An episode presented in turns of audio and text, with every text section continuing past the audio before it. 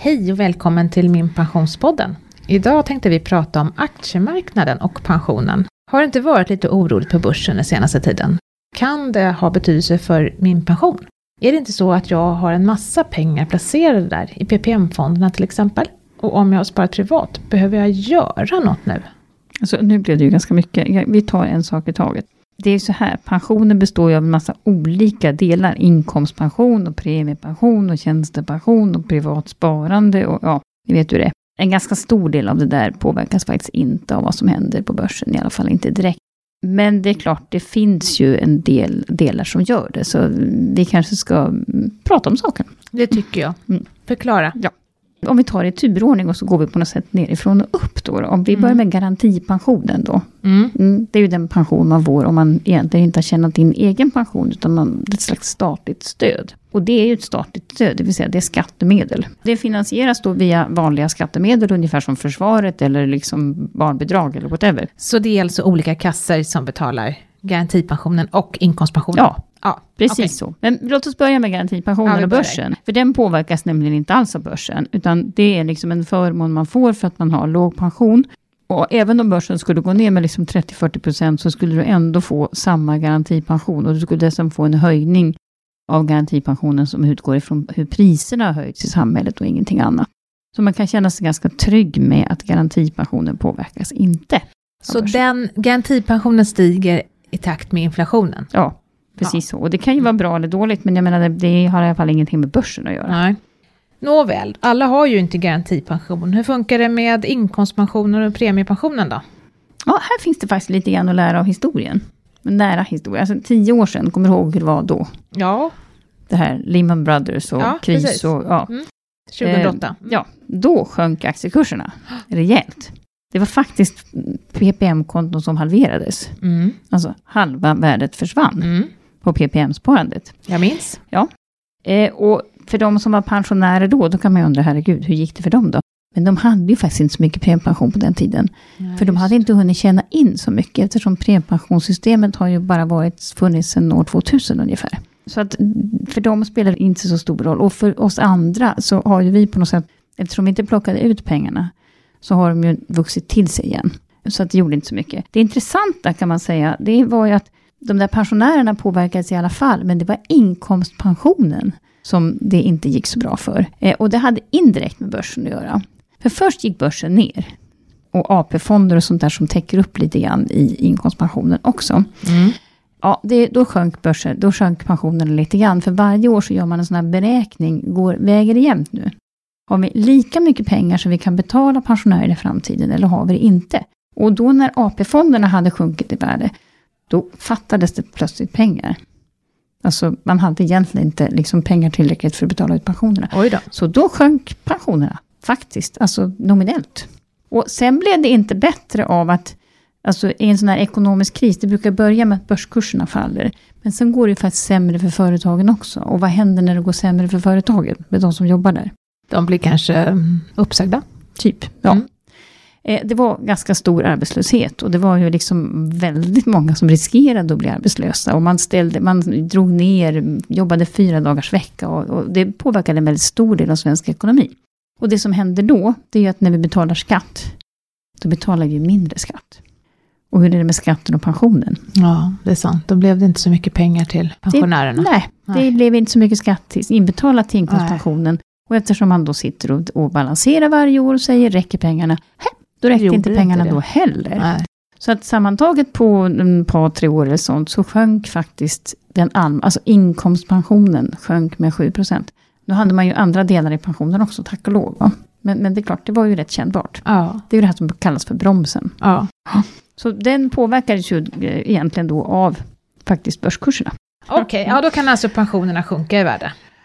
Ja, det kan de. Och ingen hade väl riktigt räknat med att krisen skulle vara så väldigt omfattande. Och man får bara hoppas att det inte händer igen. Verkligen. Mm. Men för oss som fortfarande hade ett sparande och så till pensionen och kunde fortsätta jobba, hur funkade det för oss?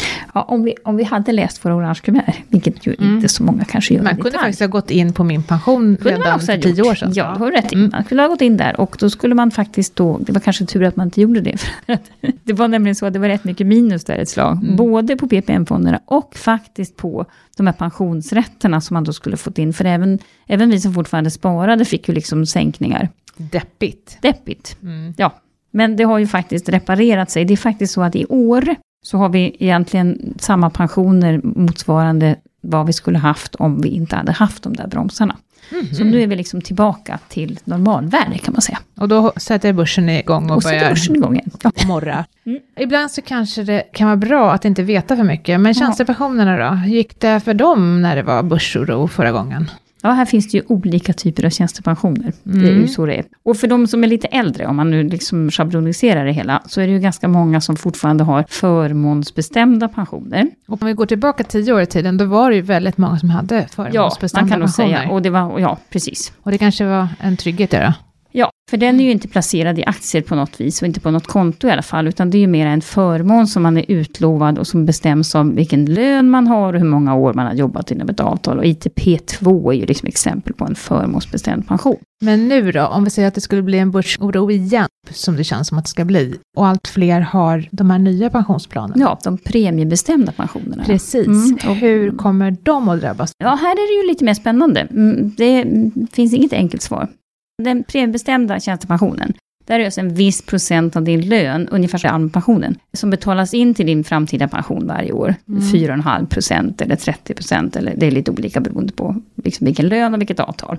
Men sen så är det upp till dig hur du vill placera de här pengarna. Och då kan man antingen ha dem i en traditionell försäkring eller i en fondförsäkring. Och i en traditionell försäkring, då är ju pengarna äh, lite, alltså de, de hoppar nog inte lika mycket upp och ner. I en börsrot, så kan man sammanfatta det. Det är lite mer stabilt. Och man har dessutom faktiskt en, en slags lägsta garanti där man inte kan hamna under. Men sen kan man ju säga så här också att även en traditionell försäkring innehåller ju lite räntor och lite fastigheter och såna här grejer. Och det är klart att, att om börsen går ner så påverkas ju naturligtvis den traditionella försäkringen negativt. Har man då räntesparat med hyfsade räntor så kanske det inte gör så mycket. Men hur ser räntorna ut nu? Det är minusräntor. Ja, eller åtminstone är det noll eller inte så mm. mycket mer. Så att, eh, då är ju frågan hur den traditionella försäkringen kommer att påverkas vid ett långvarigt börsfall. Mm. Det får vi se. Men den största risken, den tar nog faktiskt de som har en renodlad fondförsäkring och kanske en hög risk i sitt sparande just nu då. Fördelen med att ha det, en fondförsäkring, och man brukar säga att för unga människor till exempel så kanske det är bra att ha lite hög risk. Eftersom hög risk oftast betyder liksom chans åt andra hållet också. Då. Eh, men det är klart, om man är lite äldre och har väldigt mycket pengar i sin fondförsäkring så kan ju, alltså 100 000 kan ju försvinna ganska mycket raskt. Och då kan man undra, 100 000, vad betyder det för min pension? Eh, men att tummen och pekfingret kan man säga att det skulle innebära att du fick ungefär 400 kronor mindre i månaden i pension. Livsvarig utbetalning. Någonstans okay. där. Ja, men då ska man komma ihåg att det går ju ner och det går upp. Och även om man ja. är pensionär ja. så kommer man vara med på uppgången om man inte går och dör. Ja, det är faktiskt mm. intressant. För man kan ju också fråga, okej, okay, hur är det för pensionärerna nu då? Ja, hur är det för pensionärerna? Ja, för då sa vi förra gången att det var ju inte så, det spelade inte så stor roll för man hade ganska lite pengar. Ja. Eh, de som är nya pensionärer nu, mm. som alltså precis har blivit pensionärer, mm. de kan ju faktiskt ha lite mer pengar i sitt PPM-sparande. Låt säga att man får en 2000 spänn i månaden från sitt PPM-konto. Ja. Och så sjunker värdet med 10% på fondbetalningarna. Det är klart, då kommer ju nästa års utbetalningar om man har minus, om de faktiskt har gått back, årets PPM-sparande har gått back, då kommer ju faktiskt utbetalningarna nästa år att sjunka något också. Mm. För så funkar det. Men på sikt sen, om börsen skulle gå upp igen, så följer de ju också med då. Ja. Om de lever ja, och har ja, hälsan. Ja, mm. men man ska nog räkna med lite mer osäkerhet, så skulle jag säga. Att det kan, alltså lön är ju oftast någonting som är hyfsat stabilt. Det, man får lite löneförhöjning varje år, sen kanske man surar för att man inte får tillräckligt mycket, men ändå. Men när det gäller pensioner, som de, i de här konstruktionerna, om man har ganska mycket fondförsäkring och premiepension, så ska man ju inte bli förvånad om det kan sjunka något år. Sen kan det ju höjas igen och på totalen kanske man så att säga får ganska bra pensioner över tid. Men det kan hoppa upp och ner och det kan ju kännas lite ovant. Sån här börsvackare, hur länge brukar den hålla i sig? Nästa bra fråga. ja. Jag börjar bli orolig för du börjar bli orolig. pengar. Nej, jag tycker inte det. Eh, man kan ju tänka så här också. Oftast de som har valt fonder, de vet ju ganska mycket, ofta vad de faktiskt har gjort. Hoppas jag i alla fall. Eh, man kan också, de flesta som har tjänstepensioner har gjort ett icke-val. Eller har inte gjort något val, de här nya premiepensionsnämnderna. Och då hamnar man i en traditionell försäkring, för så ser de valen ut. Och då Ja, kan man ju säga, då är det ju lite mindre risk. Ja. Eh, och sen om man tittar på PPM-sparandet, eh, så de som inte har gjort något val där, de hamnar ju i den här AP7 SOFA. ja, hur går det för den nu då? Jo, det är så här att ju äldre du är, Mm. så har man det kallas ju för en generationsfond också. Vilket innebär att har du fyllt 55, så börjar man faktiskt då att flytta lite av det här som är i aktiefonder till räntefonder. Och räntefonder, de är inte jättekul, men de går i alla fall inte ner så mycket. Man kan säga att de här förvalslösningarna är ju lite grann konstruerade för att det inte ska hoppa så mycket upp och ner. För att det finns ju en massa människor som faktiskt inte har en aning om börskurser eller whatsoever. Och då ska man ju faktiskt vara lite skyddad. Så att det, det är väl ganska bra kan man tycka. Det är också så att en hel del traditionella försäkringar också har faktiskt ett moment av att man har lite högre risk för de som är unga och lite lägre risk för de som är äldre. Så även där tänker man eh, ålder eftersom det är ju pensionsprodukter. Mm. Vilka ska vara mest oroliga nu då, om- börsen börjar darra? Är det de som är nära pensionsåldern? Man kan säga så här, ska, om man nu ska tänka, hur ska jag tänka? hur ska jag tänka? Ja, om vi tar det från början då, Ja. de unga, hur ska de tänka? De som är födda på 90 och 80-talen, De ska nog hålla för öronen och inte göra något tror jag. de sätter sig i en mörk vrå. Ja, men jag tycker så här att man ska framförallt titta på hur ser min pension ut. Och då är vi tillbaka till min pension. Det vill säga, eh, gå in och titta på hur är din pension uppbyggd? Var har du pengarna någonstans? Och då kan man ju tänka sig att en ung människa, ja, dels kanske inte är så mycket pengar överhuvudtaget. Sen kanske man har en fondförsäkring då i, i sin tjänstepension. Men då ska man ändå fundera på att jaha, eh, jag har typ 50 år kvar eller 40 år eller något kvar till pension. Och då är det väl så att det kan hända väldigt mycket. Och då brukar det generella rådet ändå vara att det kan vara bra att ta lite högre risk, även om det går upp och ner under tiden. Sen om man är lite äldre då. Om vi säger 70-talister och mitten av 60-talet då, om vi säger mellan 65 och 79. Alltså jag tycker egentligen att AP7 Sofa har en poäng i när de säger att upp till 55 så är du ung. Gör Den ingenting. härlig. Ja, den är väl bra. Åh, vad skönt, nu känner jag. ja, Jag gillar AP7. ja, Tack. ja. För att det är ju egentligen, när, alltså det är ju en avvägning om när ska du börja ta ut pengarna. Om du är 55 så, och med, med de nya pensionsåldrarna så har du väl 15 år kvar innan Ja, du kommer åt dem. Så att jag menar, det. det är ju oceans of time. Mm. Och sen finns det fortfarande de som är 55 och äldre, så kan det nu ändå vara så att, att en ITP2 till exempel, har ju ganska lite av sitt kapital placerat på börsen, ärligt talat. Ja, det är bara ITPK. det är ITPK och premiepensionen. Mm. Och det kanske inte utgör en jättestor del av den totala pensionen. Nej, nu ligger det i och för sig IT, om vi, om vi pratar om 70-talisterna så är ganska många av dem ITP också. ju. Ja, det är sant. Mm. Ja.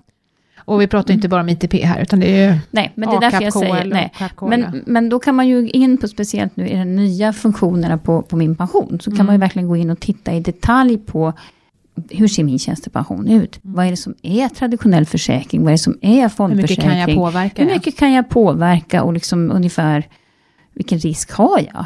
Eh, Och hur stora, hur stora pengar handlar det om? Mm. Och där tycker jag liksom att man kan, då kan man ju avväga själv. Har man jättemycket pengar, alltså jättehög risk i PPM och så har man jättehög risk i sin fondförsäkring och så har man dessutom ett privat sparande med ännu mer risk. Ja, då får man ju vara medveten om att man är ganska exponerad mot rätt. ett börsras. Och är man då dessutom 62 år, ja då kanske man ska fundera. Om det inte redan är för sent. En börsoro kan ju ha det positiva med sig att det kan vara en liten ögonöppnare.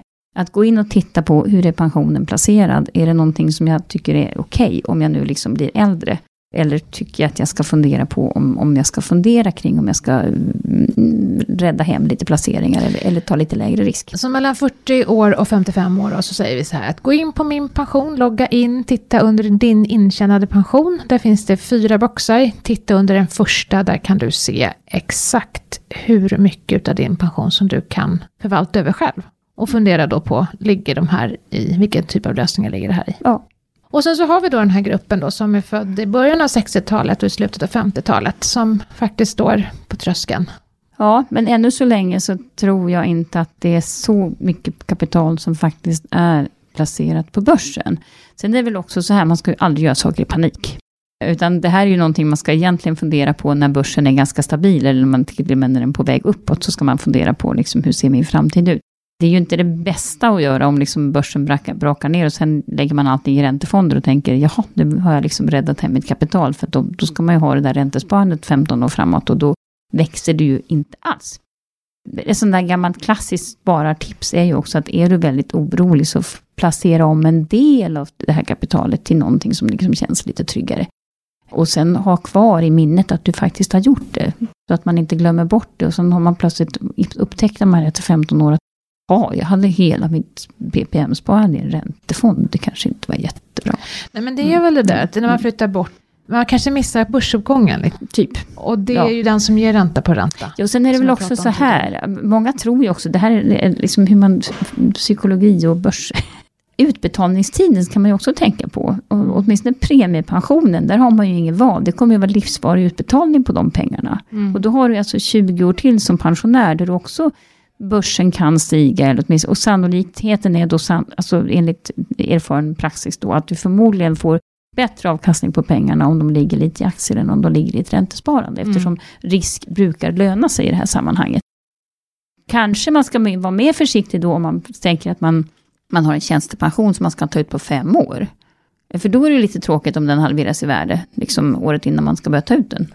Så att här gäller det nog att, vi kan, man kan ju inte ge generella råd här, utan mera var vaksam på vilket sparande du har. Titta på mm. vilket sparande och sen får du väl fundera på, vad händer om det här halveras i värde? Är jag bekväm med det?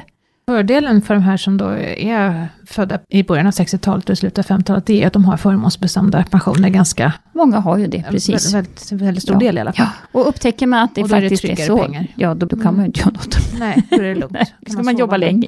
Och de som är pensionärer, de, ja, för dem är det inte även, mycket att göra. Nej, även här så är det ju faktiskt fortfarande så att det är inte särskilt stor del av pensionen. Men, men däremot så kanske man inte ska bli helt förvånad om det nu är så att man har ett totalt fondvärde som faktiskt har sjunkit i värde. Jag tror att det är i november varje år som PPM-fondernas värde räknas om för så att säga, nästa års utbetalning för pensionärerna. Men återigen, jag tror att det inte är några jättestora belopp det handlar om. Det låter bra. Mm. Har vi utrett allt det här? Nu tycker jag vi har det va? Då går vi över till veckans fråga. Ja. Och den har vi fått ifrån en professor faktiskt som har en kombinationstjänst. Och det, men det innebär då att, att det är en tjänst som ger lön ifrån två arbetsgivare egentligen, men inom samma pensionsområde. Och i det här fallet så är det då en kommunal tjänstepension den här mannen har. Och för att han inte ska drabbas negativt för sin tjänstepension så har man löst det så att den ena arbetsgivaren betalar in tjänstepension till den andra så att han ska få upp till så mycket tjänstepension han ska ha. Men problemet är som han undrar över. Hur ska han göra när han gör sin prognos på min pension?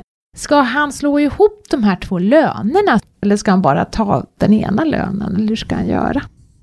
Ja, det där är ett dilemma. Generellt sett så kan man börja med att säga att, att ha två olika arbetsgivare och sammantaget en lön över 40 000 då, så man kommer upp i de här att man får högre tjänstepension. Mm det är inte så smart, för att då kommer ju var, ar, varje arbetsgivare och kommer att betala ut tjänstepension så som, alltså, som den lön du har. Så om du har 20 000 på ett ställe och 20 000 på ett annat, så kommer du aldrig få mer än 4,5 procent i alla fall. Inte så bra.